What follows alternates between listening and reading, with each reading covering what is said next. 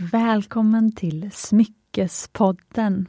Det här är podden där vi pratar om äkta smycken på ett enkelt sätt och bryter normer som präglat en annars ganska strikt bransch.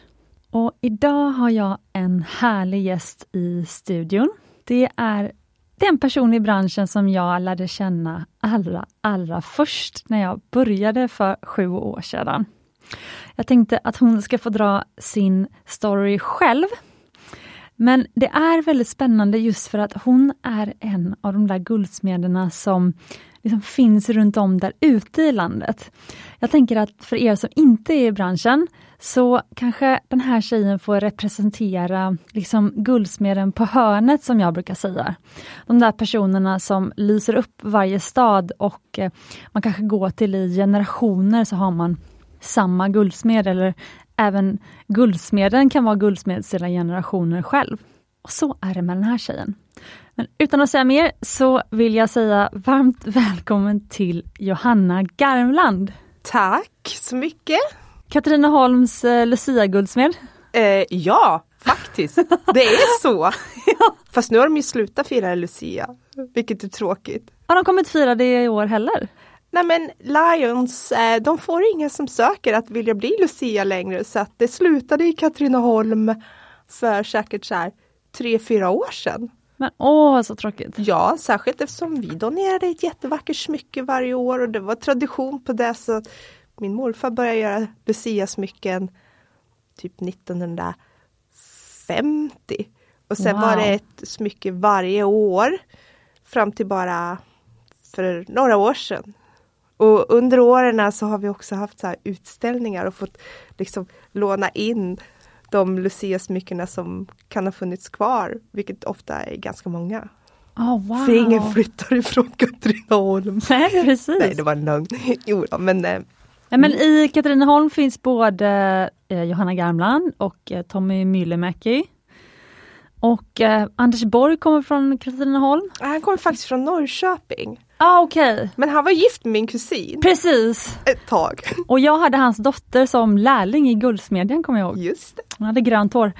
Eh, Okej, okay, men det är många, många personer som blir framgångsrika som kommer från Katrineholm har jag förstått efter att ha hängt i din eh, smedja ganska mycket. Mm. Okej, okay, men vi tar det från början. Eh, varför känner vi varandra Johanna? uh, vi känner varandra för, för många år sedan så fick jag ett samtal från dig. Uh, och jag kommer inte glömma det för det var ganska roligt. Uh, Hej! Uh, du känner inte mig men jag heter Cecilia och jag har varit i Indien och jag skulle behöva hjälp med lite projekt. Okej. Okay. Eh, vad då för något då? då? Eh, sen började du förklara lite vad du hade hållit på med och du var så här supersnabb i telefonen och eh, så visade det sig att du hade googlat någonting där jag hade dykt upp på ett forum. Precis Men eh, sen så kom vi överens om att du skulle komma ner för att dra hela, alltså det var lite luddigt på telefonen.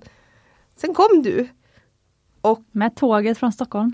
Sen åkte du inte därifrån. Fyra år, nej. Men eh, då var det ju väldigt kul faktiskt för du var och du är ju väldigt ambitiös och duktig. Eh, och du hade det här Mumbai Stockholm tänket redan då. Eh, anledningen varför du kom till mig var att du inte var riktigt nöjd med kvaliteten på smyckena som du hade fått. Prototyperna. Nej, och eh, det var väl där det började. Ja, alltså jag ringde dig när jag var i kris kommer jag ihåg för att eh, då hade jag eh, flyttat hem från Indien, kanske, ja, det kanske var en och en halv månad sedan. Och sen så hade jag fått de första smyckena skickade till mig liksom efter att jag hade lämnat, som inte längre hade kommit i, liksom, med mitt eget handbagage. Och då kände jag att nej, men de här håller inte måttet här. Om jag jämför med de smyckena som finns här i Sverige, så de här håller inte måttet. Och då var det lite kris för att jag hade ju kunder jag behövde sälja till. Så jag var så här, vem ska göra de här smyckena då? Då måste jag hitta någon, någon annan guldsmed. Och då hittade jag dig på ett forum i, på internet. Mm. Mm. Så eh, det vart ju full fart nästan omedelbart skulle jag vilja påstå. Och det växte ju väldigt snabbt. Det var ju väldigt roligt. Men det var ju först du började med din svalkollektion. Sen så eh, fortsatte det till gud vet allt och jag har fortfarande dina grejer kvar. Det är ju flera år sedan nu sedan vi jobbade ihop i Smedjan.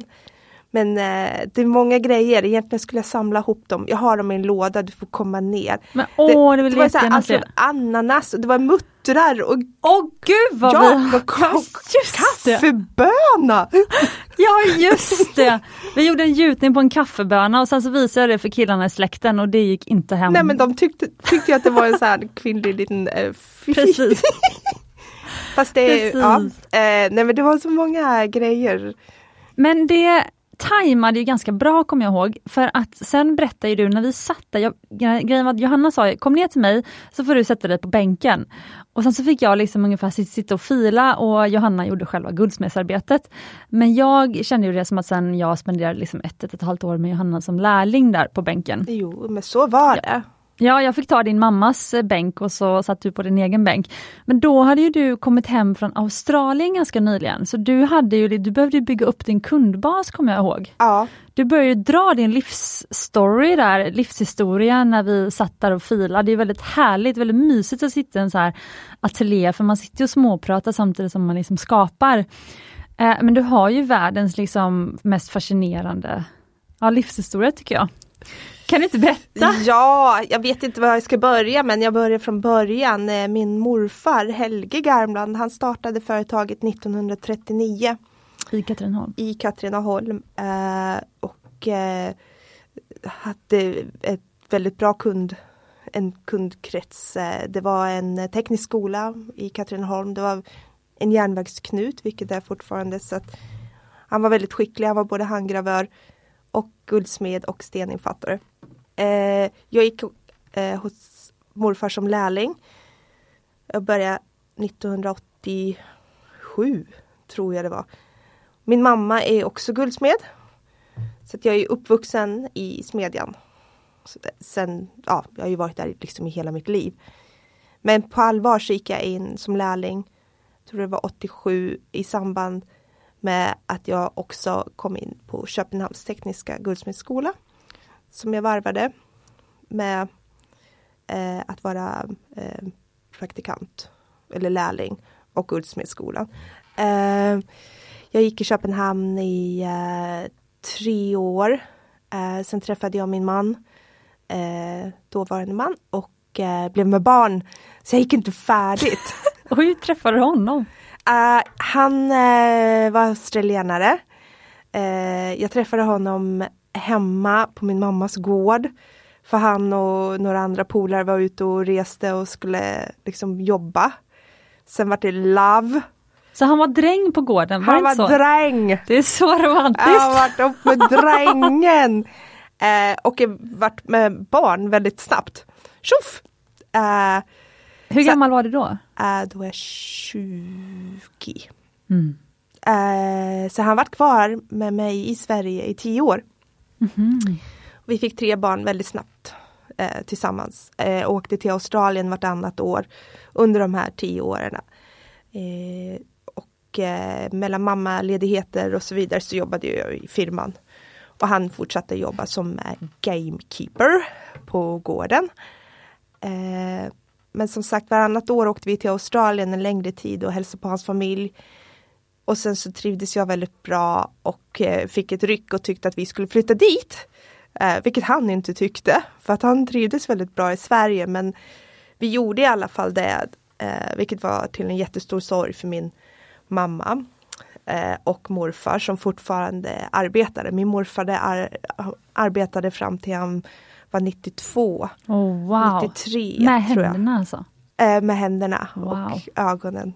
Han var lite darrig, så han, han graverade inte.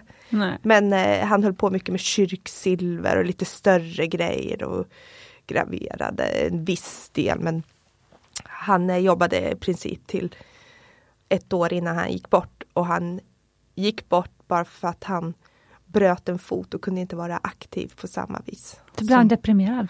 han kunde ju inte röra på sig från att varit ute och gått med sin hund liksom flera gånger om dagen och varit aktiv i Rotary och liksom så vart han runtskyfflad på olika sjukhus som man blir om man har mm. brutit sig när man är äldre för att man fick, det var en operation hit och dit och sjukhusvistelsen bara, det tog hans liv på en gång. Så det gick ganska fort. Men som sagt, han var verksam ända fram till han bröt sin fot. Tyvärr så bröt han sin fot på min 30-årsdag. Eh, då var jag i Australien, men jag hann prata med honom innan. Då bodde jag redan i Australien. Så innan han bröt sig så hade vi ett långt samtal. Mm. Eh, så det var bra. Eh, så jag flyttade till Australien 1999. Och eh, där jobbade jag inte som guldsmed till att börja med, utan jag var ganska jag ville prova andra saker. Sen hade jag inte särskilt högt självförtroende. För att jag hade alltid bara jobbat med mamma och morfar. Så att jag visste inte riktigt var jag stod i min kunskapsbredd. Så jag eh, tänkte, nej men jag lägger det här på hyllan, jag vill prova andra grejer. Jag hade varit i branschen så länge i alla fall. Um, så i fem år så gjorde jag allt möjligt från att jobba med catering, potatisgrävare, bond, högg ved. Jag försörjde mig jättelänge på att hugga ved ute i skogen. Fan skitstark. Så fick jag ett samtal. Typ ungefär ett sånt samtal som du ringde till mig. Hej, du känner inte mig men jag heter Susie Allen och vi har hört att du är guldsmed och med skandinavisk här, äh, ursprung. Vi skulle vilja träffa dig, vi söker en guldsmed. Oj! Och jag bara, oh shit, det här vet jag inte. Men kände jag ändå att nej men det kan hända, jag åker in och bara ja, kollar. Och det gjorde jag och de var jättetrevliga. Och sen bestämdes det att jag skulle komma in och provjobba. Eh, och jag var jättenervös.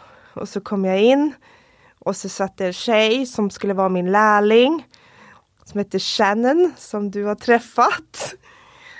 Eh, Precis. Och hon var eh, obstinat, skittjurig, ville inte ha någon som skulle lära henne något. Och jag fick kalla fötter på en gång. För att jag kände att herregud, jag har inte suttit på bänken på fem år. Jag liksom har inte hållit en tång. Och så har jag en grinig brud bredvid mig som bara hatar mig. Så det gick lite knackigt. Jag åkte hem och tänkte dit ska jag aldrig mer igen. För att jag känner att jag är så dålig på det här. Så gick det tre dagar, så fick jag ett samtal igen. Var, var är du någonstans? Eh, du ska ju jobba här. Jag bara, eh, nej, alltså vi har inte kommit överens. Ja, men vi har kris. Eh, Shannon, lärlingen, hon har nästan eldat upp hela, eh, hela workshopen.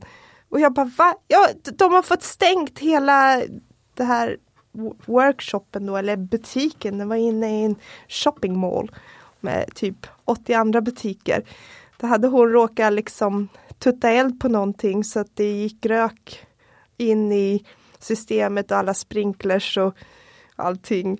Eh, så de fick, skulle mm. flytta hela verkstaden på två dagar så att då sa jag, de var desperata, att jag kommer in och jag hjälper till. Och då var hon ganska mild. Ja, ja. jag kom in. Sen så blev jag kvar där i 12 år. Och eh, Shannon, eh, hon är en av mina bästa vänner. Hon har varit här säkert tre, fyra gånger i Sverige. Så fort jag är i Australien, vilket jag är ganska ofta. Eh, min äldsta son bor kvar där. Så är jag där och jobbar med henne. Hon har också ett eget företag och jobbar lite i, på samma vis som jag gör. Men att jobba i Australien eh, som skandinavisk designer var ju eh, ganska coolt för eh, vi får väldigt mycket cred på andra sidan jordklotet för våran design. Så de eh, använde skandinavisk master jewel, nu ska vi se vad det Scandinavian master jewelry designer uh, i sin Och det är ju inte riktigt det jag är men, men eh, det kanske jag var där. Eh, familjen som ägde stället också, de kom från Ukraina. Min chef Susi var otroligt kreativ, inte guldsmed själv men en otroligt duktig smyckesdesigner. Mhm. Så jag lärde mig massor ifrån henne. Massor. Eh, blev väldigt kreativ. Under de åren som jag jobbade där nere så lärde jag mig nog mer än vad jag gjort under alla år som jag jobbat hemma. Wow. Men också för att jag var tvungen att, att liksom komma på egna lösningar och jobba med annan typ utav material, eh, mycket 9 karat. Ja. Eh, och rosé, guld. Det var en, en helt annan ett helt annat sätt att arbeta än vad jag arbetar här hemma. Men är inte Australien lite mer liksom lantligt än Sverige? Jag skulle vilja säga att Australien är ungefär som Sverige var på 60-talet. Folk, det är mycket folkhemskänsla. Mm. I alla fall där jag kommer ifrån. Vi var, bodde 150 kilometer från Melbourne. Men det är lite gammel engelsk Victorian.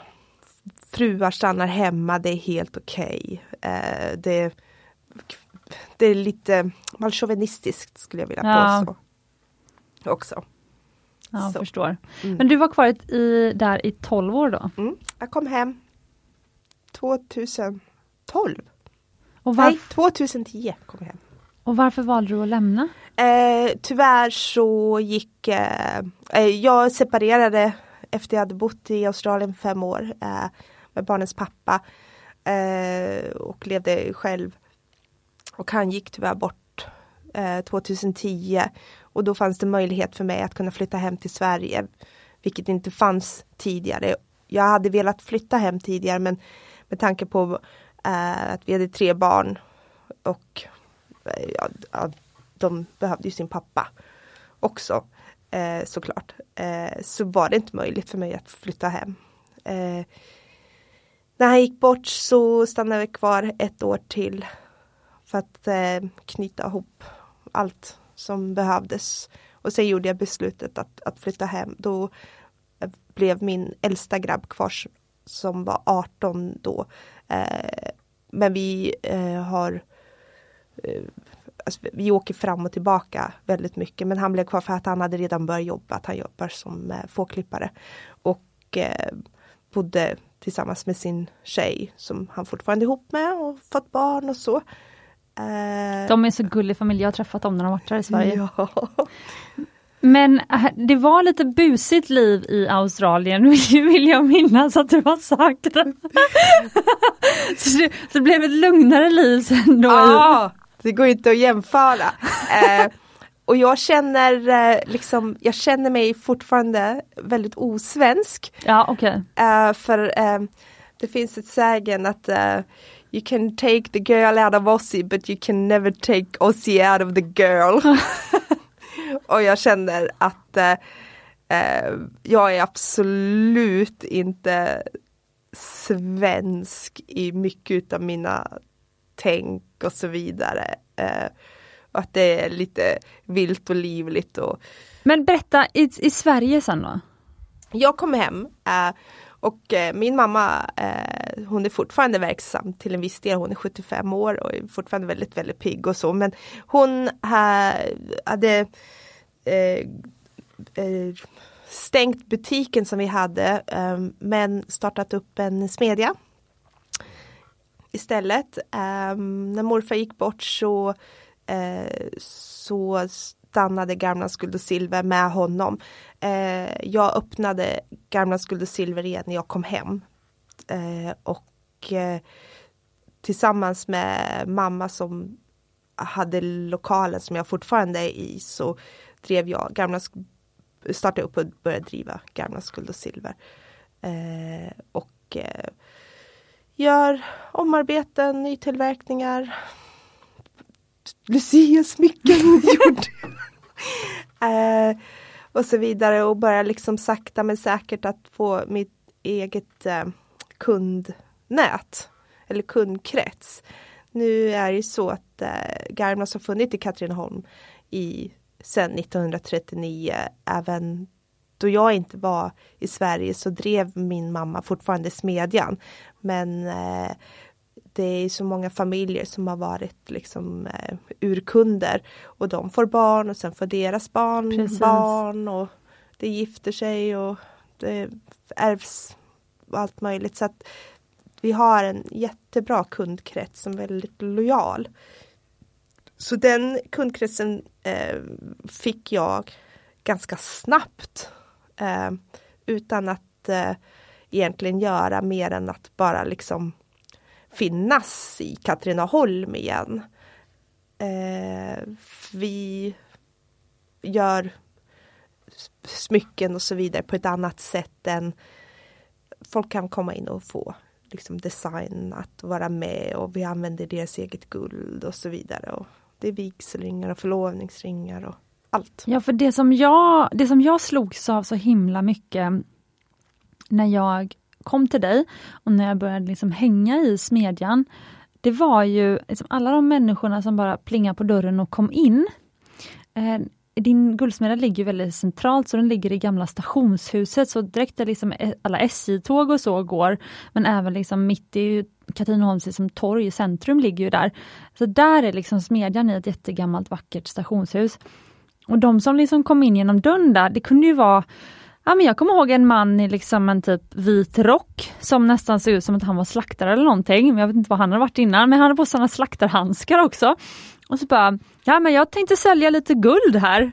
Alltså, det är ju liksom, och, så, och sen kommer det in så fina damer och liksom, ja här har jag lite så gamla ringar som jag aldrig använder, kan du liksom designa och jag vill göra om det här. Liksom, du får fria händer.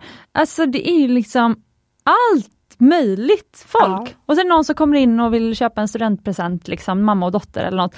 Alltså, det, så jag blev så här, det är ju liksom som, det är som att vara liksom en, alltså det blir ju liksom centrum av um, samhället nästan. Eller det kändes som det när jag var där nere. Jo, och jag ska väl påstå att det blir som en institution. Precis. Eh, och eh, utan att man ens tänker på det så upplever jag att det är så otroligt mycket känslor med smycken så att det bidrar till sådana samtal som man nästan aldrig tänker att man skulle komma in på med att man ska laga en kedja. Men den kedjan har den personen fått ifrån någon annan som då kanske har gått bort fast den hade en moster som var vidrig och inte ville släppa. Det, det kan komma allt, mest makalösa historier runt minsta lilla smycke.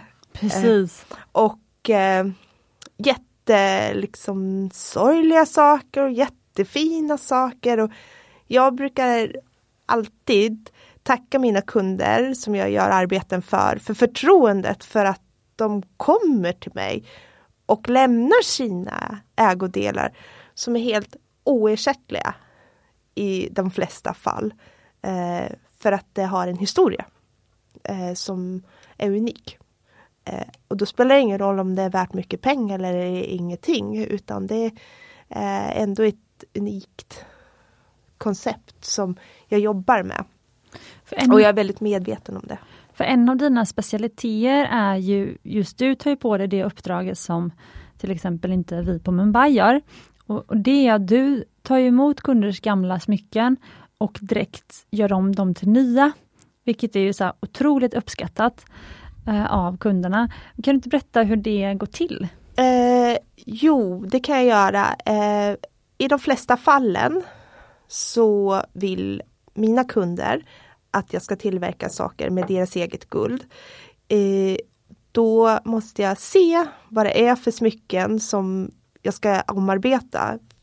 Det är inte allt som går så bra att göra vissa saker med så att det ska vara i form utav den designen som går med just det här guldet. För om man tänker en Bismarckkedja har ju ganska mycket lödningar vilket gör att när man ska smälta det guldet så är det ofta eh, orenligheter i som kan göra att guldet kan sprickas. Och, eh, det, man måste hantera varje del av ett smycke olika. Det är inte bara liksom att splattra ihop allting och tro att det ska gå bra. Eh, för att det det beror på vad det är får man in gamla ringar, vigselringar, då är det givetvis enklare för att då är det ju eh, inte så bearbetat.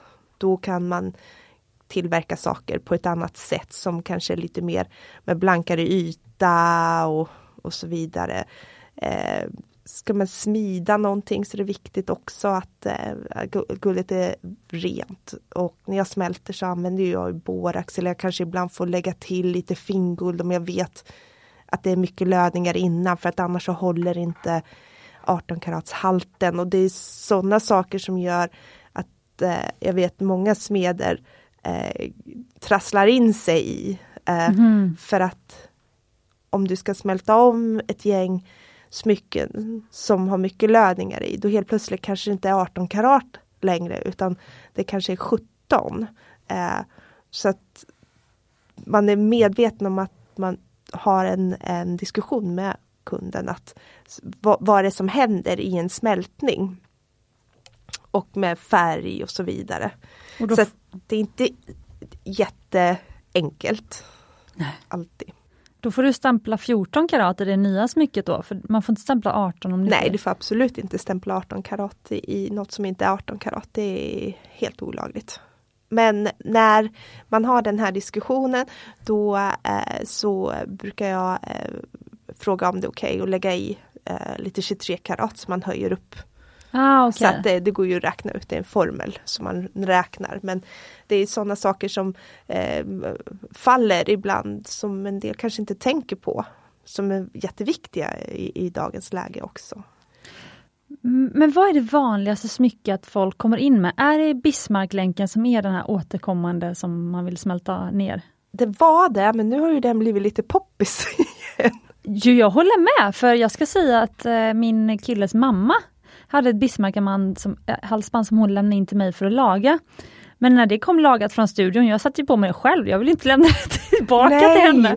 Det är samma så här, hon har fått tillbaka äh, den nu. Doserade pärlor. Är, ah, det ja, har exakt. ju också blivit så här, det var ju så här tandsmycken tyckte man för Fast jag är ju en äldre generation än vad du är. Så att jag tycker ju att Bismarck är tantigt. Men du är född 70? 71. 71 okay. Jag är mm. 50. Uh, så Oj! Ja. Herregud, jag vill se ut som dig när jag är 50. Åh oh, gud.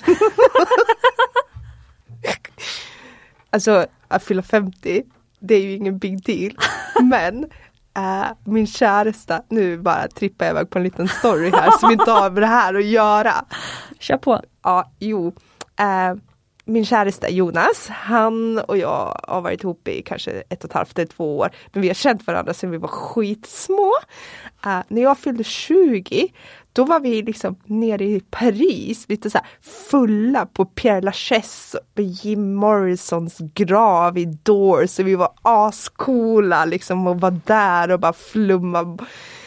Nu när jag fyllde 50, då var vi uppe i Hudiksvall och tog en liten biltur till Järvsö. För, Oj! Ja, och helt plötsligt så är vi på kyrkogården. Då hittar jag Lill-Babs grav. Nej.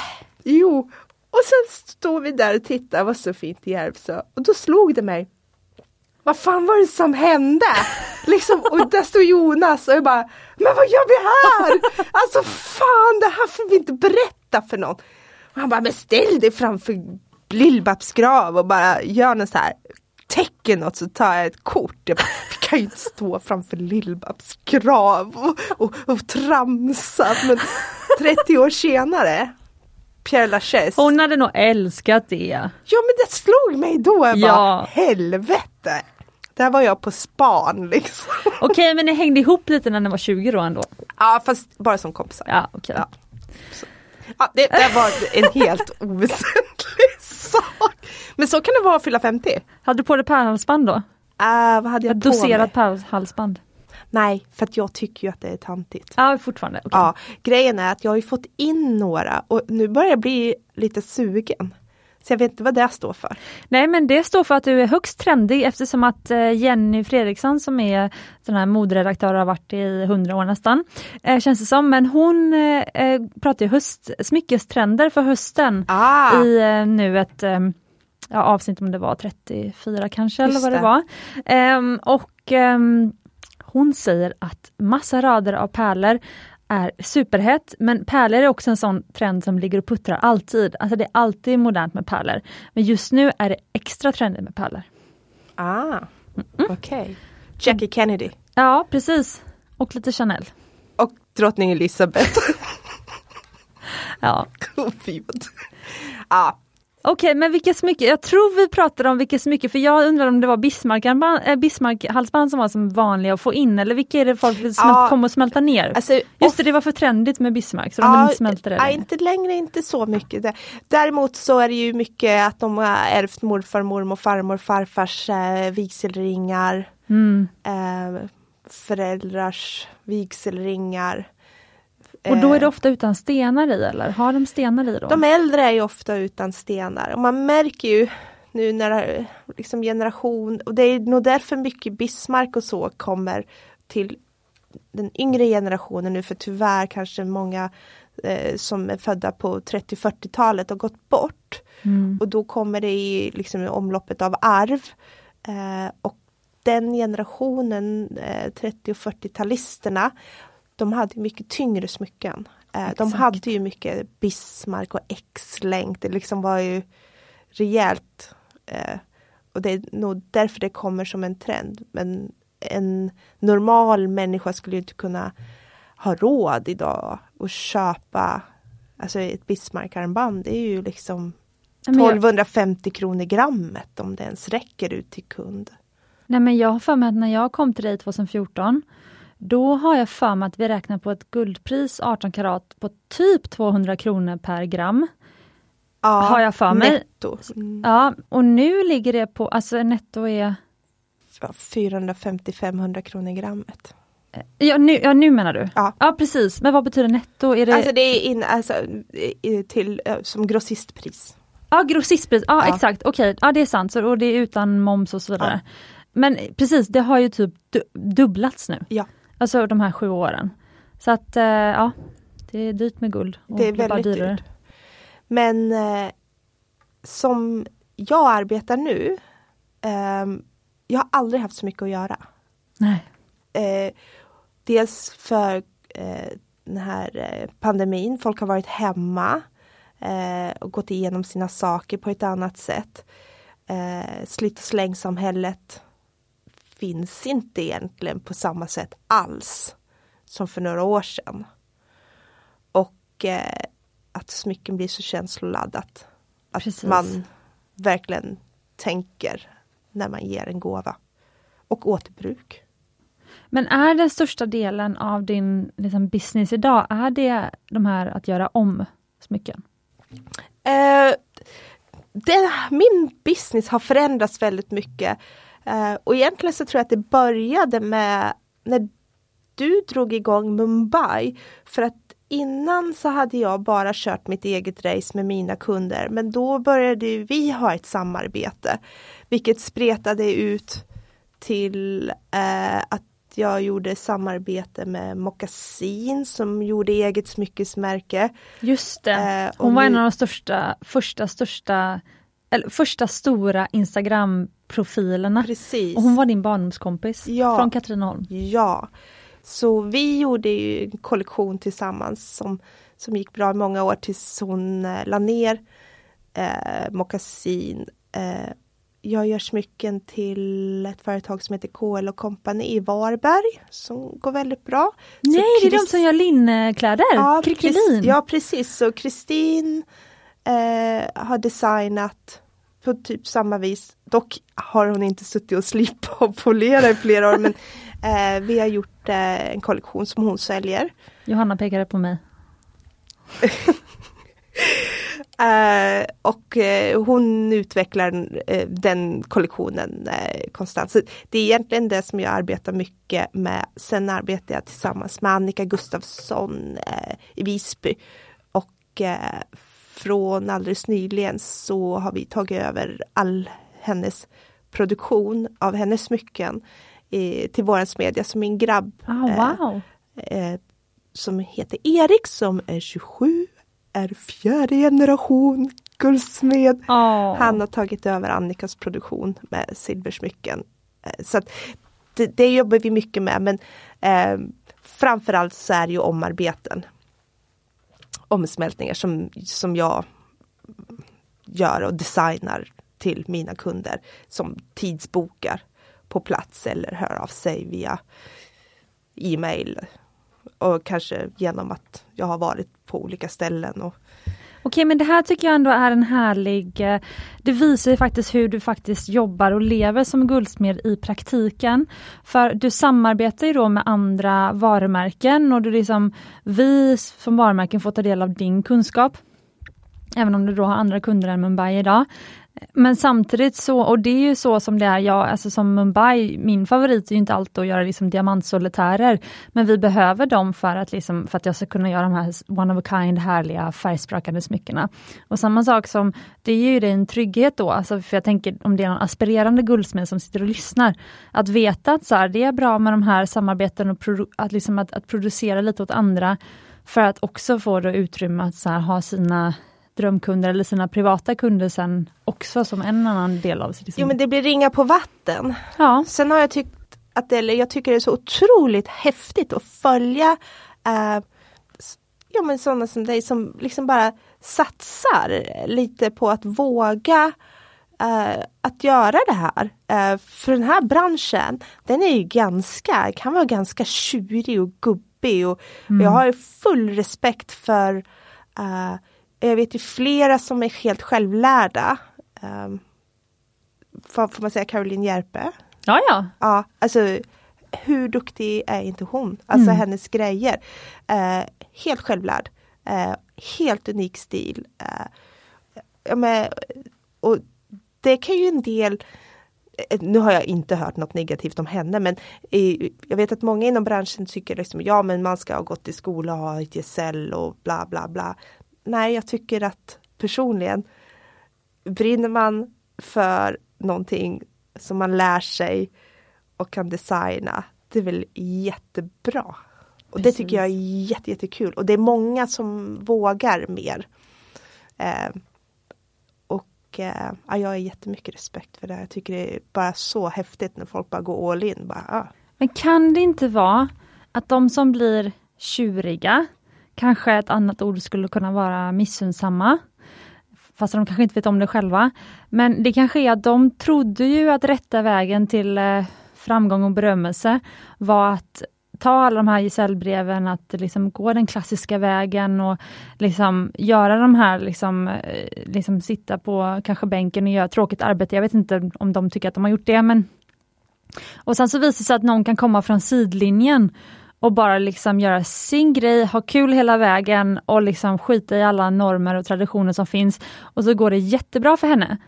Kan inte det då vara så att, men tusan, jag borde ju ha gått den, varför har jag gjort det här, mitt, eh, liksom gått den här tråkiga utbildningen, eller vad man kanske tyckte då, och så blir man liksom bitter. Alltså... Nej, men naturligtvis så är det ju på det sättet ja. i många fall. Och många utav oss guldsmeder som sitter i våra smedjor, vi är bra på att göra det vi gör på bänken men har inte möjlighet att göra marknadsföring för det är ett yrke i sig. Ofta är det ju många som sadlar om till smyckesbranschen som har marknadsföring i grund. Mm. Eller ekonomer eller så vidare. Eh, så att eh, det är ju en, det är en helt annan värld. Och eh, sköta Instagram och, och vad det nu än må vara. Alltså det är ju ett jobb bara det i sig. Jag ser ju på så många utav er alltså hur mycket tid det tar att lägga på att kunna ta snygga bilder, hänga med i flödet, skriva, vara förberedd. Alltså, alltså när, när är ni lediga? Ja, ja, ja, nej, nej, jag förstår det. Ja. ja. Och, och, och det har jag också jättemycket respekt för. För det är inte bara att bara slänga ihop någonting. Det är, men, men jag vet att du har också, för du är en så här klok person tycker jag. Och du, det som är så häftigt med Johanna, ska jag säga till er lyssnare, är ju att liksom, du är ju väldigt omtänksam. Du är den mest omtänksamma personen jag vet om. En av dem. Och eh, det är också därför som, för även i din smedja i Katrineholm, folk kommer inte bara in när de har ett ärende utan vissa kommer in och liksom vill ta en kaffe för de var ändå på stan. Ja det är tantdagis! Ja, ja det är tantdagis precis! Eller gubbdagis också. Ja, Jag tycker ja, att det är, köns, eh, det är könsneutralt. Ja, jo, absolut. Nej, det, Nej, verkligen. men du är ju väldigt bra på att lyssna eh, och sen så är du väldigt bra på att skvallra på ett snällt sätt. Så, så man, har, man kommer alltid ifrån Johanna, och liksom fått höra massa roliga stories men har ändå en bra känsla i magen. Så, här. Eh, så det är, det är en perfekt sån här liksom skvallercentral. Sån här, eh, eh, Katrineholm så heter det sån här, eh, eh, ja men sån här som, som, eh, som delar information. Ja men det är en sambandscentral. Ja, men du, alltså, ibland så känner jag så här, fasiken liksom titta på Pernilla Wahlgren. Hon skulle kunna slänga sig i väggen. Skulle jag, skulle de sätta upp en kamera, alltså det skulle ju bli tio gånger större succé än The Office. Ja men du kommer ihåg, kommer du ihåg Fredrik som var där liksom? Det här Ja du får gärna berätta, ja men jag har berättat för Fredrik om mina, för till mina vänner, du får gärna dela historien om, om greven Fredrik. Gud nej det törs jag inte göra här. Ja, men alltså, jag vet när jag kom hem från, för min mamma hon är också så här übersocial. När jag kom hem från Australien, helt plötsligt så, eh, så kom det inrusande en jättestor mörk man i någon slags uniform. Och, och, och bara liksom slängde sig på golvet i ett hörn och började och jag bara, vad mamma vad är det här? Nej men det är bara en av busschaufförerna. Han kommer in här för han måste be. Eh, de har ingen matta eh, inne i deras personalrum. Och i våra smedja så har vi väldigt mycket så här orientaliska mattor och det var något speciellt med det. Så han kom in och, och, och när han liksom hade Katrineholmsturen, han var väl från Örebro eller Eskilstuna. Då var det helt okej, mamma blinkade inte ens. Jag höll på och bara, vad, vad är det här? Sen när mamma bara, nej men det är bara busschauffören som ska be. Jaha, ja, ja självklart, naturligtvis. Och bara, oh my god mamma, ja ja. Jag tycker det är fantastiskt. Helt odömande och bjuder in alla. Jag ja. tycker det är jättefint. Och Vera, kommer du ihåg henne? En, En- eh, hon var lite eh, förståndshandikappad, får man säga det? Eller, Ja det får man säga. ja, som en, hon, äldre, Ja. som kom in med rullatorn och skulle alltid gifta sig. Eller hon hade alltid små pojkvänner. Kommer du ihåg henne? I alla fall Vera. Eh, hon fick köpa eh, guldatrappsringar utav mig hela tiden. För på deras boende så förlovar de sig hela Åh. tiden. Sin pojkvän Jonas. Och hon är Ja, ja men då, då guldattrapp, det är alltså inga riktiga guldringar. Nej, utan det så gamla Flemming Usiel Men du vill inte berätta för henne att det antagligen det var hennes trettonde förlovning på... Ja, till slut så, eh, för att hon fick, det skulle ju ändras lite storlekar. Till slut så kom hon in och hon kunde ändra storleken själv med svanhalsen. för jag hade inte dit så gick hon och tryckte upp den. Herregud, ja men nej, man kanske ska ja, ja. Mycket, alltså mycket stories finns det. Ja, mycket. Eh, men sen är det ju eh, Men det är ju konstnärligt. Eh, Ja, det är ju ett väldigt kreativt, just det, men herregud, nu kom jag på vad det var jag ville säga också för att du känner ju även då en hel del av dem som, alltså du är ju med, du har ju sett de här Instagram, liksom, du har varit med lite bakom kulisserna av såna här, de här liksom, vissa Instagram-profiler och som var väldigt stora som när liksom Instagram typ boomade och det bara fanns viss, några liksom influencers ungefär, eh, vi, vad var det, det var väl 2014, 2015 Mm. och sen så kom jag ihåg att du liksom senare bara så här, men det är så konstigt för att de lägger ut så mycket vackert och det är så harmoniskt i deras flöden och sånt. Men bakom så är det ju kaos! Hur Mm. liksom klarar de av det? Och du var liksom väldigt sådär eh, klarsynt och liksom Alltså du kunde ju se bakom det arbete som krävdes för att få fram den här lugna harmoniska ytan och att det liksom inte alls var så där, liksom där bakom. Nej men det är ju Hela den här influencervärlden, det är ju mycket illusion. Ja, Och jag kan tänka mig att det är väldigt få som är bekväma egentligen i det för att som sagt man är ju alltid, det är alltid en kamp om eh, att man ska få uppe upp i sina flöden. Att alltid vara tillgänglig. Alltid vara med mobilen, svara på DM och likes och alltså, alltså en otroligt stressig värld om man ska klara det själv. Nu vet jag ju att många tar hjälp att sköta sina Instagramkonton. Eh, men samtidigt då så blir det ju inte personligt på samma vis. För ofta så vill man ju följa den personen, inte någon som sköter kontot. Så nu tror jag att det är en bransch i sig att sköta Instagramkonton och så för nu med folk som har så mycket följare som dig själv och många andra så det är ju det är ett heltidsjobb men otroligt stressigt. Ja, tror... Att leva upp till. Ja, men jag tror att, alltså jag hade ju eh, problem när jag skulle liksom avpersonifiera Mumbai och det inte längre var jag som, för jag, jag orkar inte sköta Instagramkontot själv. Eh, men, då, men det var i och för sig som första gången, jag kommer ihåg första gången jag anställde en säljare eller personal jewelry shopper som skulle ta emot kunder i showroomet. Alltså vi fick ju en kund som var så arg för att det inte var mig hon träffade i showroomet mm. längre, att hon så här, men ville liksom i princip lämna tillbaka sitt smycke sen och ville liksom inte vara kund hos oss mm. längre. För att det var sånt, sånt svek att det inte var liksom jag som gjorde allt längre. Nej men det är ju det, det är nog många som eh, Jag vet eh, Annika i Visby eh, Det är väldigt väldigt många som vill komma in och bara träffa Annika men det är fullständigt omöjligt för henne att träffa alla kunder som vill träffa henne för att då skulle hon inte få någonting gjort. Hon skulle aldrig träffa sin familj. Hon skulle inte kunna äta en sko på toaletten.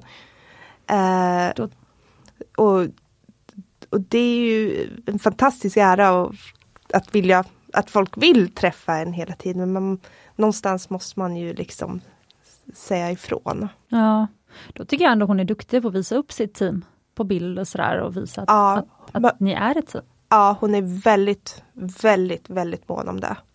Men det är ju fortfarande Annika Gustafssons smycken och det är de som kommer in som vill ju träffa Annika. Och då blir hon lite stjärna när hon är där för den kunden som kommer in och ser henne som kanske sett henne i tidningar på båten och, och så ja, vidare. Men det är inte möjligt hela tiden för henne att stå i butik och liksom sälja örhängen för, ja, till, hon måste ju ta tiden att designa och marknadsföra och hon får ju, hon har ju väldigt hon får ju mindre och mindre tid att vara på bänken ju större smyckesmärket blir. Och det är ju inte precis där man vill vara när man är guldsmed och guldsmedsmästare. Men det är så det ofta blir när man driver företag, det vet du själv innan man...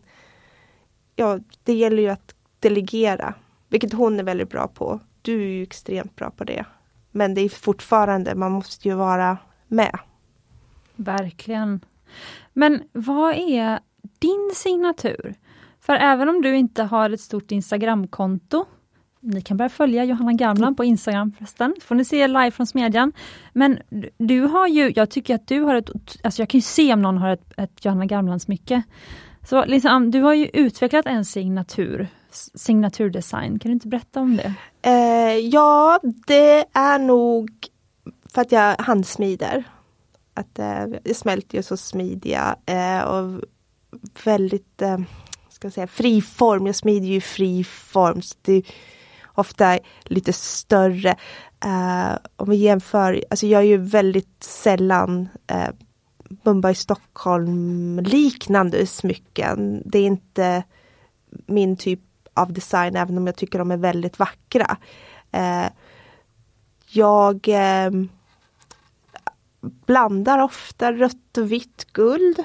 Eh, jobbar lite med färgstenar men ofta så har ju mina kunder sina egna stenar som de har från andra smycken som vi ska använda och i regel ofta så är ju mest diamanter men Eh, jag tycker om att göra smycken som har lite tyngd, som är lite större. Eh, ringar som ser flådiga ut. Eh, och det är det som är roligt när kunder kommer in med eget material.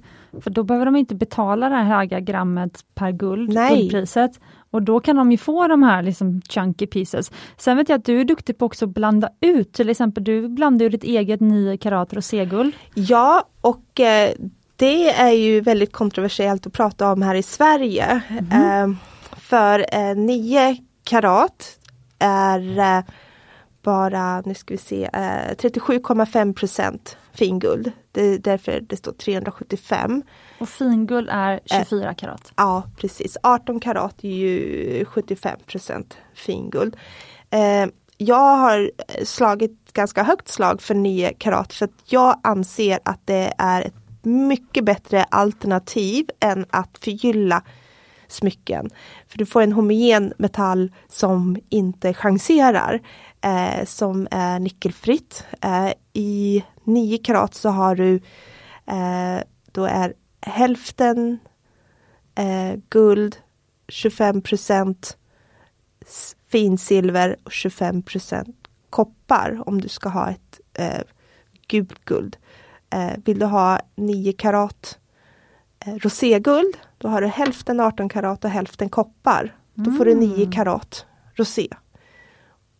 Vilket är liksom homogen, alltså rakt igenom eh, en rosa metall. Men jag eh, legerar ju 9 karat gult guld också. Kristin eh, nere i eh Krinkelin. Mm. Eh, hon säljer 9 karat. Ehm, eh, först ville vi se hur det skulle gå till den kollektionen att göra förgyllda smycken. Så eh, vi gjorde en del. Jag bar dem på mig, Kristin bar dem på sig och Sofia, en annan ja, mockasin, bar dem på sig i ett antal veckor för att se hur de höll. Och det gjorde de inte. Precis, och det är det ordet jag brukar kalla för eh, guldplätering när du säger förgyllda. Ja, precis. Precis. men jag tycker att guldplätering är, alltså det borde inte få finnas. Hur kan man sälja, tänk om man köpte en tröja som liksom gick sönder efter en månad. Inte en människa hade accepterat det. Men guldpläterade smycken, det säljs. Jag vet! Vitt och brett. Ja, det är för mig helt obegripligt. Ja! Och dyrt. Ja, ja alltså och verkligen. miljöovänligt som bara katten, de här ja. eh, kemikalierna som används. Mm. Eh, 9 karat eh, rekommenderar jag också till kunder som vill ha större örhängen fast de vill ha guldörhängen. De blir inte lika tunga. Densiteten i 9 karat är inte lika hög. Okej, det visste inte jag. Nej, så att eh, du får liksom mer Just det, för att silver, om man, det kan ni känna om ni har liksom en, jag brukar säga det till killar som funderar på vitguld eller silver i sina förlovningsringar. Mm. Eh, då brukar jag säga att så här, men känn tyngden. Alltså, ja. En silverring väger ju ingenting medan vitguld väger massa. Ja. Så att, eh, men om du ska ha stora 18 karats örhängen då får du ju liksom ont efter att ha varit ja, en kväll. Men jag menar du kan få en stor, liksom, vad man nu vill göra i, i 9 karat du får en bättre känsla. Men hur ofta behöver du lägga till guld i, alltså att när du tar emot kunders guld och ska liksom göra till exempel de här örhängena sådär. Eh, hur ofta måste du lägga till för att liksom guldet inte räcker? Eller liksom, hur går det till när man ska börja ta hand om och smälta ner kundernas guld? Då, eh, då eh, vet ju jag genom års av erfarenhet ungefär hur mycket vikt jag behöver att tillverka någonting. Jag, jag kan ju se liksom om jag designar någonting, ja men den här kommer dra iväg, den kanske väger 20 gram när den är färdig, då behöver jag liksom ha kanske 25 gram när jag börjar. För att man valsar och det blir svinn, man filar och så vidare. Så att jag har ju en, en grundkoll på ungefär vad ett smycke kommer väga. Är det så att en kund kommer in och inte har eh, tillräckligt med guld, då eh, så nu vet jag att jag kanske är lite snällare än många. Men min affärsidé är inte att jag ska tjäna pengar på att sälja massa guld till kunder utan det är min design. Så då brukar jag erbjuda att de får köpa guld utav mig för inköpspris plus eh, moms plus en liten avgift. Men det blir långt billigare för kunden att köpa guld av mig än om den, ja, i alla fall. Eh, men ofta så är det ju så att mina kunder har det guldet de behöver. Och så får de en liten guldtacka tillbaka då eller eh, det som blir över då? Eller om eh, de det kan de använda som betalningsmedel. Ja just det. Um, om du har tänkt om de lämnar in 25 och så får de tillbaka så mycket som väger 20, vad säger de då? Uh, uh, det är en avgång på 8 i regel och när man eh, gör vad man än gör, man ska lämna guld till affinerering eller vad som helst, eh, så är det alltid en avgång på ungefär 8% som man får räkna med för att eh, när du smälter så kanske du bränner ur lod eller alltså, så man räknar en tumregel 8% en del räknar lite mer. Men är det så att en kund kommer in och lämnar någonting och så när det är 10 gram över då får de ju naturligtvis tillbaka det guldet eh, om de vill eller oftast så mina kunder vill i regel oftast ha tillbaka för att de vill gärna göra något mer. För det, mer försäljning? Ja! Nej, men det, och sen eh, när man förklarar också att eh, och när jag har tillverkat färdigt ett smycke så får ju kunden eh, ofta ett värderingsintyg. För det är ju en ny produkt.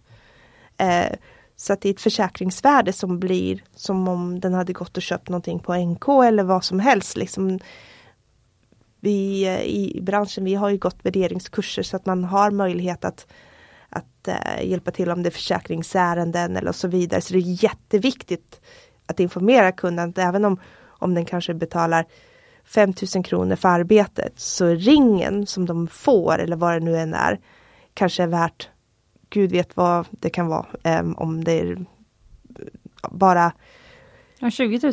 Ja, vi säger att du, du gör någonting för 10 gram, kunden lämnar något, du har gjort det för 10 gram, då är det, och inte några stenar eller någonting, då är ju det från att vara ett skrotvärde på 10 gram som kanske är 350 kronor grammet, så är det helt plötsligt 1350 kronor i ett värderingsvärde. För att du har tillverkat Per gram? Per gram. Mm, precis. Så att det är ju ett lätt sätt också att kanske sälja in. För att man säger att det här arbetet kommer kosta 7000 kronor. Oj, det var ganska mycket pengar kanske en kund säger. Ja fast du får ju en vara sen som är värt liksom 17 000 kronor. Det är en ominvestering. Det är ju lite sales pitch i det fast det är ju en, en, en ren rak sanning i det. Det var väldigt sant. Och det här måste jag säga ni som lyssnar på podden nu, det jag tycker är kul med att ta med Johanna i podden, det är också såklart att jag gillar ju att så här, lyfta fram personer och guldsmeder och folk i branschen som jag tycker är duktiga. Och om du har ett smycke hemma så som du liksom funderar på, men det här vill jag verkligen göra om till något, det betyder mycket för dig men du kanske inte gillar designen. Då tycker jag du ska ta kontakt med Johanna. Också det som är Eftersom att du är ju i princip själv, alltså du har ju inte heller, du har inte anställt någon för att ta bilder till en flashig hemsida eller, alltså du har ju väldigt låga omkostnader jämfört med om du hade haft liksom ett stort företag och maskineri runt dig. Så man får ju väldigt prisvärda smycken hos dig. Absolut. Alltså jag, jag ligger ju i regel väldigt mycket lägre än en, en Stockholms smed till exempel av naturliga skäl. För att jag har ju inte omkostnaderna, precis som du säger. Jag har inget lager. Jag har lite till försäljning ibland. En eh, fantastisk önskan skulle ju vara, alltså jag har ju tusen miljoner kollektioner som är här inne i den här hjärnan. Jag har samlat på mig så mycket material och, och stenar genom åren för att en vacker dag ska jag sätta mig och göra de här håll käften smyckena som bara ska bara dallra i folks ögon. Eh, men tiden, tiden, tiden. Ja, precis. Men tankarna finns där. Precis. Att göra. Så nej, så att eh, det är klart att det blir ju det blir ju ett annat pris ofta. Sen eh, så ligger jag, jag, upplever ju inte att jag är billig. Ändå jag ser ju till att jag liksom tar betalt för mitt hantverk. Men eh, som sagt, det, det är nog lite annorlunda i Katrineholm än vad det är i Stockholm. Ja. Sen ska man ju inte förminska sig själv för att man bor i en stor stad eller, eller en, en småstad. Eller människorna där men jag känner att det funkar för mig. Du berättade om eh, stenarna, eller du nämnde det lite lätt att, att många av dina kunder har stenar redan i sina smycken. Och jag brukar ju rekommendera kunder att inte ta ut stenar ur gamla smycken. Det har också att göra med att vi på Mumbai, eller liksom i vårt företag, vi kan inte ta risken för att någon någon gammal släktingsten liksom går sönder och så blir vi skadeståndsskyldiga eller liksom, gud vet vad som kan hända. Um, och det, jag vet hur stor risk det är med nya stenar, så därför är jag så med, med, gamla stenar som vi inte vet vad de har varit med om, de tar vi inte ut och använder i nya smycken. Men, men du gör ju det. Jag hur? gör det, jag gör det absolut, men jag är väldigt noga med att berätta för kunden om just de sakerna för att jag i de flesta fall om du har en alliansring med 18 stenar i, då är ju säkert fem utav dem fel på av någon anledning. Uh, kommer någon in och har en halv karats diamant som är infattad så kan det mycket väl vara att den är infattad på ett visst sätt för att det ska dölja någonting. Mm. Uh, så att det finns ju alltid väldigt mycket uh, överraskningar som kan komma. Men så länge man är noga när man tar in, eller jag är alltid väldigt noga när jag tar in smycket och tittar på det så mycket som möjligt går för att kunna liksom bedöma vad, vad kan eventuellt hända här. Eh, sen får man ju ha dialogen med kunden innan man börjar, att så här kan det bli. Och då är det ju upp till kunden att den ska ha förtroendet för att det jag säger är sant. Jag har aldrig, eh, det har aldrig uppstått något problem eh, överhuvudtaget med någon kund någonsin. För att jag alltid har varit väldigt noga. Oh, wow. Sen kan jag ju lugnt säga att eh, om man bara har typ 0,01 diamanter då är jag ganska noga och säga till kunden att det är ingen idé att vi tar ut de här för det kommer bli billigare för dig att köpa nya. Men sen kan det vara igen att nej men det var ju mammas eller det kan ju så att då väljer de att kanske använda de här stenarna även om det blir dyrare med infattningen och så vidare mot att de skulle köpa nya. Så att Det är hela tiden att vara väldigt tydlig och, och sitta och ha en dialog. Men kan det också ha att göra med att folk kommer till dig och då nästan alltid besöker de ju dig i din smedja, speciellt ja. om de ska lämna in smycken.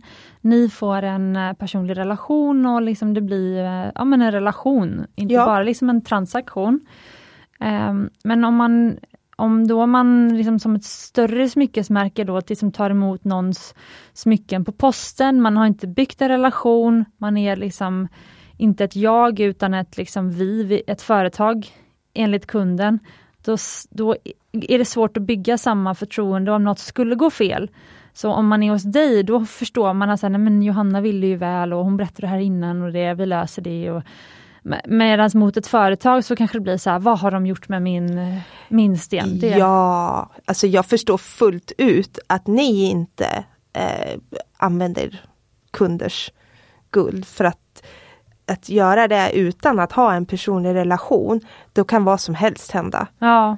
Alltså det är ju från det att kunden skickar, alltså var är garantin? Du vet ju inte ens vilken vikt det är som kommer Nej. i ett kuvert helt plötsligt kan en kund har en, eh, en digital våg hemma som inte riktigt håller måttet ja. mot vågen som vi använder. Så deras kanske visar att det är 17 gram men faktum är att det kanske bara är 14. Då sitter man ju redan i problem där ja. från början. Så ja. jag förstår fullt ut, jag skulle inte Det är väldigt sällan som jag tar emot beställningar från folk som bara skickar saker utan att jag på något vis har garanterat att de kanske har varit inne hos någon annan guldsmed runt hörnet i sin stad för att kontrollväga så att man verkligen har den dialogen. Alltid när någon skickar smycken till mig och också när jag tar emot smycken från eh, kunder på plats tar jag alltid foton på grejerna tillsammans med kunden. Eh, så jag skickar det fotot mm. som ett kvitto på en gång när man sitter och man har bestämt allting. Det här har jag lämnat. Klick, då tar vi ett foto. Klick, ett foto på vikten. Då är det såklart man kan bli. Ja, och så får de det som, som ett kvitto också mot, på, på mobilen vad det är de faktiskt har lämnat in. För som eh, privatperson också som inte arbetar med det här så det är jätteluddigt när man ska sitta och förklara de här termerna att nu kanske det är bara 17 karat fast eh, inte vara 18. Alltså, så tydlighet är A och O. Ja. Om man ska kunna på ett professionellt sätt eh, erbjuda tjänsten som jag gör med omarbetningar. Hur ser du på framtiden? Alltså, guldsmedsyrket är ju ett av de äldsta yrkena som finns. Det är också, speciellt så som du jobbar, det är också ett av de allra mest miljö, eh, liksom, ho, alltså hållbara produktions, liksom, eh, branscherna ur ett liksom, miljösynpunkt. Eh, så i min värld så är, om det är några produkter som liksom kommer finnas kvar, för att det är liksom en, ett sånt kretslopp där man kan återvinna i princip alla material om och om igen. Då, då, då tror jag verkligen att så här, guldsmedsbranschen är en framtidsbransch. Men, liksom, men samtidigt så här, i smedjan, alltså det som är så coolt och det jag älskade med att komma till smedjan efter att ha suttit fast i liksom skolbänk sedan jag var sju år gammal, komma till din smedja som 24-åring och bara här jobbar man med händerna. Här är det liksom, jag kallar den här valsen kallar jag för en stor pastamaskin. Ja. Men liksom här behöver man ha lite muskler, man bankar och slår med hammare. Alltså det är så konkret och så gammalt och man liksom, det känns som att komma till en antikaffär. Det är så himla häftigt. Um, ja, nu tappar jag bort mig allt det här, men liksom vad, vad, vad tror du om framtiden? Vad kommer din son tjäna pengar på sen som guldsmed? Alltså vad, hur, hur, ser det, hur ser trenden ut? Alltså just nu så sitter ju han och typ massproducerar lite grann kan man väl påstå eftersom han eh, bygger upp ett varulager för vintern. Men han, eh, han är väldigt mån om att eh, gå in på Guldsmedsskolan i Falköping. Han kom faktiskt in i år men eh, han sökte så sent så han fick inte ihop sitt familjepussel. Mm. Eh, för att eh, Falköping går inte att pendla till från Katrineholm. Och han har en liten dotter? Han har en dotter som är sju. Eh, men han, kom, han är väldigt mån om att han vill ha alla sina eh, papper så att han tar gesäll så han får alla de här modulerna med steninfattning, eh, gravering, eh, marknadsföring. Han vill bli skolad för att han upplever att det kommer ge hans framtida kunder ett förtroende.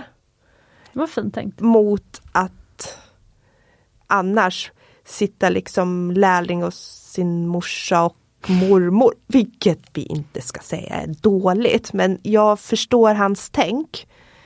Eh, för att det är ju lätt att bara fortsätta familjeföretaget för att man liksom glider med på en räkmacka. Men eh, han ser lite mer det stora hela och han vill lära sig mer av den moderna tekniken som jag inte kan och nu eftersom jag har blivit lite gammal inte så särskilt intresserad utav utan det får någon annan pyssla med.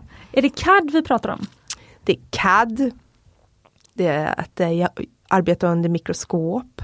Ah. Att äh, äh, arbeta med, med laser eller med, med punktsvets. Nu har jag ju, äh, arbetat med punktsvets. Det kan jag ju anse ganska bra och hjälpsamt. Men äh, det är stora investeringar jag hade förmånen för ett par veckor sedan att vara nere hos Joakim Jansson som är handgravör och steninfattare och han säljer också väldigt högteknologiska verktyg, mikroskop, handgravyrsredskap, laser. Så jag har faktiskt fått förmånen att prova på ny teknik.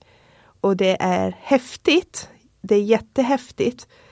Men det gav mig också lite styrka i ryggraden att tycka om det jag gör. Att jag faktiskt kan göra väldigt mycket på det gamla sättet.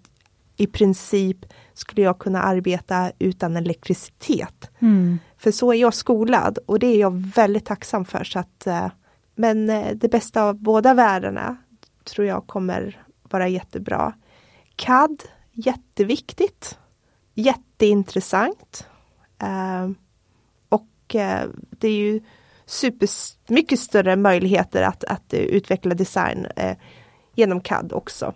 Ehm. CAD är ju enda sättet för oss att tävla mot, liksom kunna vara uppe och liksom tävla mot internationella smyckesvarumärken. Absolut. För liksom kunder kräver den typen av ja men liksom superdetaljerade ehm, liksom, ehm, ja, men steninfattningar och liksom snirklande, liksom, alltså, ja, den typen av design som liksom krävs på liksom internationella smyckescenen, då måste, då måste vi använda CAD. Jag eh, kan ju få ibland kunder som kommer in och så har de en, en bild på, på något de har sett som inspirationsbild. Och när jag ser att det är CAD då säger jag ju bara att det där kanske de får antingen då söka upp det företaget som säljer den produkten som de visar på bilden. Mm. Eller så får de helt tänka om sin design för att jag arbetar inte med CAD. Nej för det är ju precis Men jag har full respekt för, för de som gör det. Eh, det är också det här kontroversiella, är det ett hantverk eller är det inte? Det är ju en eh, digital tillverkat men Ja, en av våra CAD-ritare är ju gammal guldsmed och steninfattare. Eh, och jag skulle säga att han, han började lära sig CAD för inte så många år sedan. Och eh, han jag anser ju det att det är ett hantverk när han sitter och ritar Jag CAD. håller med. Eh, jag håller med. Eh, du ska fortfarande kunna ha dimensioner, kombinationer, färg, form kunskap om eh, hållbarhet och steninfattningar och tjocklek ja. på ringband och allt sånt. Men eh, som sagt, eh, det är ju en annan nisch mot vad, hur jag arbetar så att eh, eh, för att jag har inte de kunskaperna. Men det är ju kul att ta upp den här typen av ämnen också för att det jag eh, vill göra med den här podden också, det är liksom jag vill utbilda konsumenter så de själva kan ta bra beslut. Och om man vill ha en sån här supersnirklig liksom, eller eternity band eller som ja, men Mumbai exempel Brigitte Ring eller Mini Brigitte Ring som är så här väldigt eh, populär hos oss. Eh, då kan man inte göra den handgjord av sitt egna nedsmälta guld. För att liksom vi, vi behöver kunna gjuta den, vi gör den på ett annat sätt. Eh, och liksom eh, det finns former på det för att alla Brigitte och mini-Brigitte ska se likadana ut. Och då kan man liksom inte liksom gå till en guldsmed sen och liksom förvänta sig att man ska ha en ring som ser ut så. Nej. Alltså för det, och en, för det, det, det som är så kul när man då lär sig det också, det är att man ser, jag kan ju se om något är handgjort som något som du har skapat, eller något som är liksom eh, gjort med liksom datorns hjälp. Och i princip de flesta smycken som syns på liksom Pinterest som inte kommer från Etsy-shoppar eller liksom hantverksshoppar, de är ju ritade liksom i dator. Ja. Och Det är det som har spridits. Liksom. En eh, kollega till mig eh, som inte har suttit på bänken på ganska många år men återupptog guldsmederiet. Eh, vart så otroligt förskräckt, det här är några år sedan, ja. eh, när hon började liksom titta på hur de andra i branschen liksom jobbade och allt möjligt. Innan hon förstod att de här bilderna är en CAD-ritning fast det ser ut som att det är liksom ja, en rendering ring. kallas det. Vad sa du? Rendering. En rendering. Men hon bara kände nej, alltså det har ju gått framåt så mycket innan hon precis liksom förstod att det här är ju inte en riktig ring utan det här är en bild. Det är världens bästa verktyg för oss till exempel som vill göra eh, custom, typ jag håller på att göra en custom ring till en tjej i Norge nu. Ja. Eh, och så vill hon, hon vill ha en sån här riktigt lyxig Eternity Band ring eh, med smaragdslipade diamanter och den är liksom jättedyr, jättestor, jättemaffig, jätteblingig sån här. Och det, jag älskar Norge för att de gillar bling. Så då får man chans att göra såna häftiga smycken. Men enda sättet att liksom få det här att kunna också gå i lås, det är så här, att skicka en rendering som är väldigt verklighetstrogen på den här designen som jag tagit fram. Annars kommer hon aldrig kunna köpa ringen för att Nej. vi har inte gjort den tidigare. Alltså, och så ska hon liksom lägga x antal pengar på något som liksom inte finns i verkligheten. Så det är lite grann, jag skulle säga att det är som att bygga hus. Alltså eh, antingen tar, man liksom hjälp av eh, några husföretag som kan rita upp i, exakt hur det, det kommer se ut Mm. och IKEA, du, du får en bild på ditt kök och så vidare. Men om du går till en finsnickare, han kommer antagligen inte, om inte han är väldigt modern och också har hjälp av digitala verktyg, men han kanske inte kommer kunna ge dig en bild av hur ditt kök kommer se ut. Utan du får titta på hans tidigare jobb och så får du bara lita på att liksom dina instruktioner och han gör sin grej. Men vill du veta exakt vad du kommer få, då kanske du behöver gå till ett stort husföretag eller stort köksföretag som kan visa dig i data exakt hur det kommer se ut. Och jag tycker att sjukt många människor har inte abstraktionsförmåga.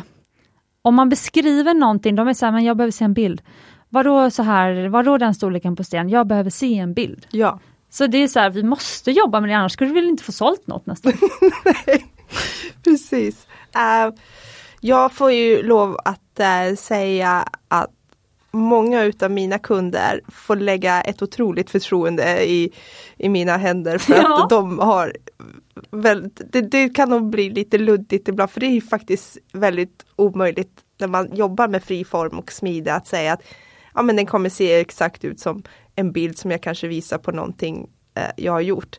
Eh, för när jag väl börjar jobba och smälta metallen så kanske den vill liksom röra sig på lite Ja. annat vis. Eller mitt kreativa hjärna kanske vill röra sig på ett Precis. annat vis. Eh, så, men jag eh, fattar grejen fullständigt med de här bilderna. Att det, är, det skulle ju vara omöjligt för er att inte arbeta utan dem.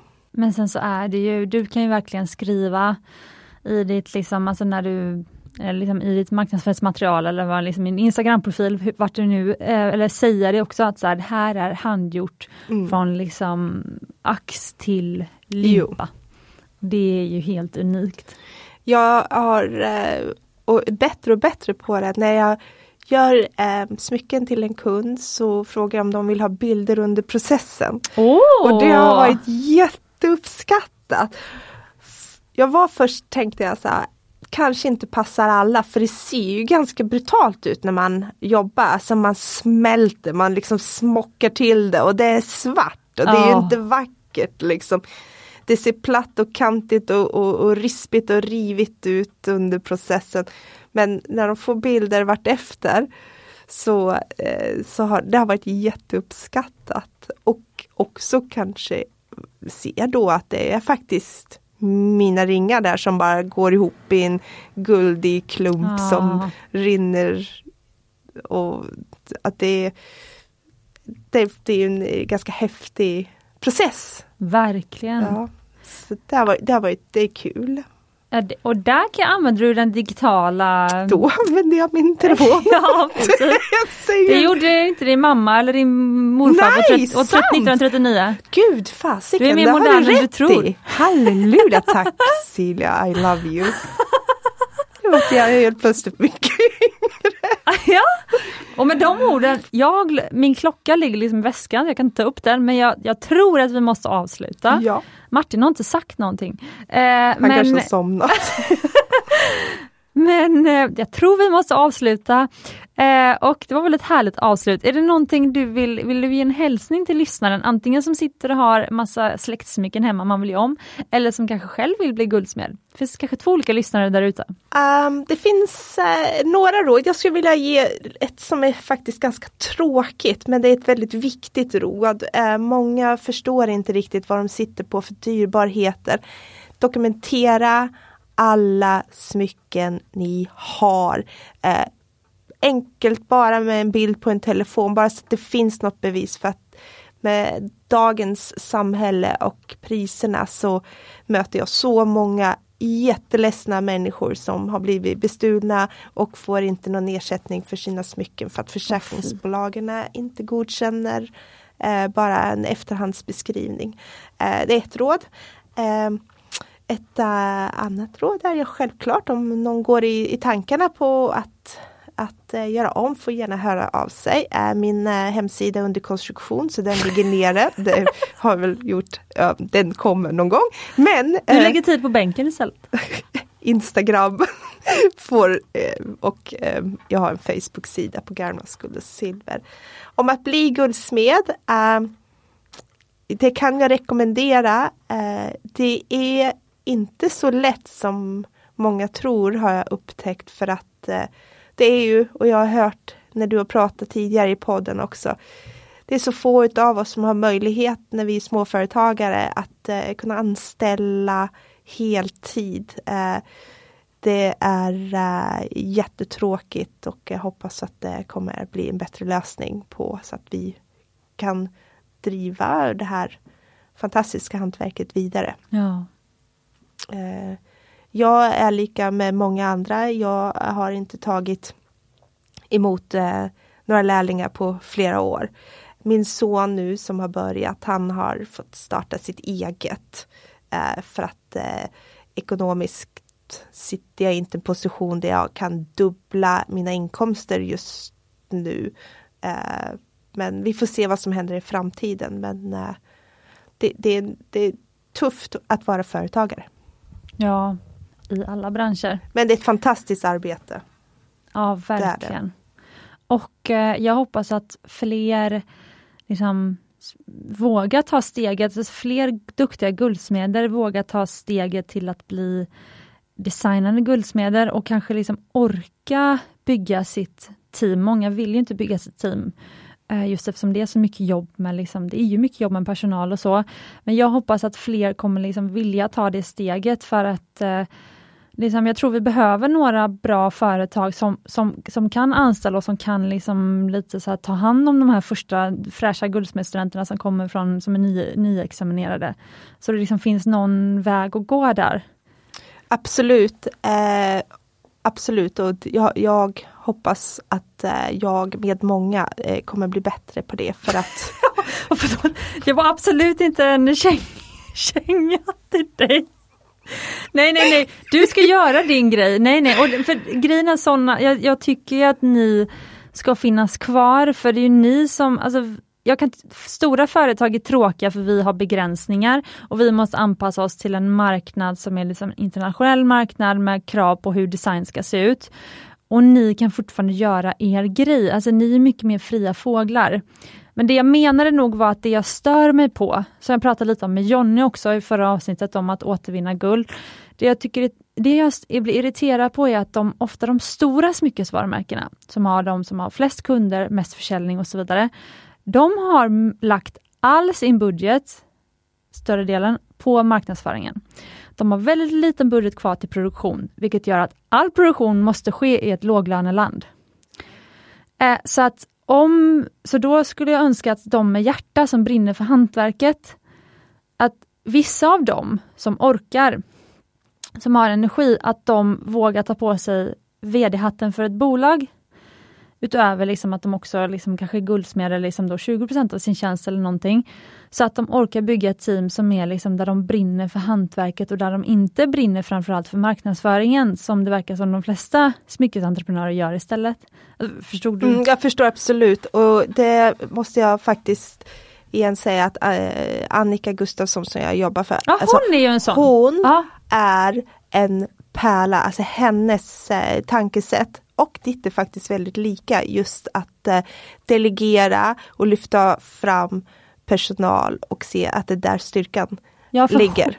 Hon, är guldsmed som tog steget att starta ett större företag. Ja. Och jag har faktiskt redan bett Annika komma till podden också. Ja. Det skulle vara så kul. Men du har helt rätt, hon är en sån. Ja, definitivt. Mm. Eh, hon har absolut rätta konceptet. Mm. Men, och eh, det går bra för henne därav också. Ja, hon gjorde inte hon till de här tv-kändisarna, det här paret? Uh, ja, det var du! ah, du var med där och gjorde de ringarna. Ja, men då kan vi bara ta en sista claim to fame. ja, det var i som, nej, tidigt maj var det. Då var jag i Visby och sen så skulle jag öppna upp butiken och utanför så står Karl Fredrik och hans eh, från Österlen. Just det! Just det. Och de står där bara Hej! Vi ville komma in och hälsa på. Och tack och lov så var Annika på plats fast hon var uppe och rumsade runt i köket. Och jag bara ah, välkomna in! eh, ett ögonblick och jag uppe i köket bara det är kändisar, det är kändisar, ge dig ut, det är kändisar! Som någon galen kvinna. Och Annika hon knatar ner och bara Hej och välkomna, vad roligt att ni kommer hit! För hon är så lugn och cool. Och de hade fått ett infall att de skulle förlova sig. Och det här var på torsdagen, de ville förlova sig på lördagen. Och vi bara ja, självklart! Och jag började titta på min båtbiljett om jag skulle lägga om den. För vi skulle vara tvungna att jobba hela natten. Men, men eh, nu blev det inte riktigt så. Men det var jätteroligt. Och de var, de var så roliga och så bra. Och så otroligt eh, bra på att credda alla företag som de eh, begav sig runt i, på Gotland och Annika fick jättemycket uppmärksamhet till och med på TV4. Oj! Eh, ja, så att eh, och de var... betalar för ringarna? Ja, Ja, ja, oh ja. bra. Oh ja. Men eh, det var så fint att eh, de- var väldigt måna om precis alla som de besökte. Så när de var, för de var bara på en liten getaway för att de hade haft mycket. Så att eh, det var kul! Ah, Ja, ja, så- kul! Så där. Och du som lyssnar, glöm inte att du är också värd massa härliga smycken och vill du göra om dina smycken så kan jag alltså, inte rekommendera Johanna varmt nog. Så ta tåget eh, två timmar från Göteborg, en timme från Stockholm. SJ stannar däremellan till Katrineholm och knacka på i gamla stationshuset och gå till Johanna. Tack! Nu går vi och fikar. Ja.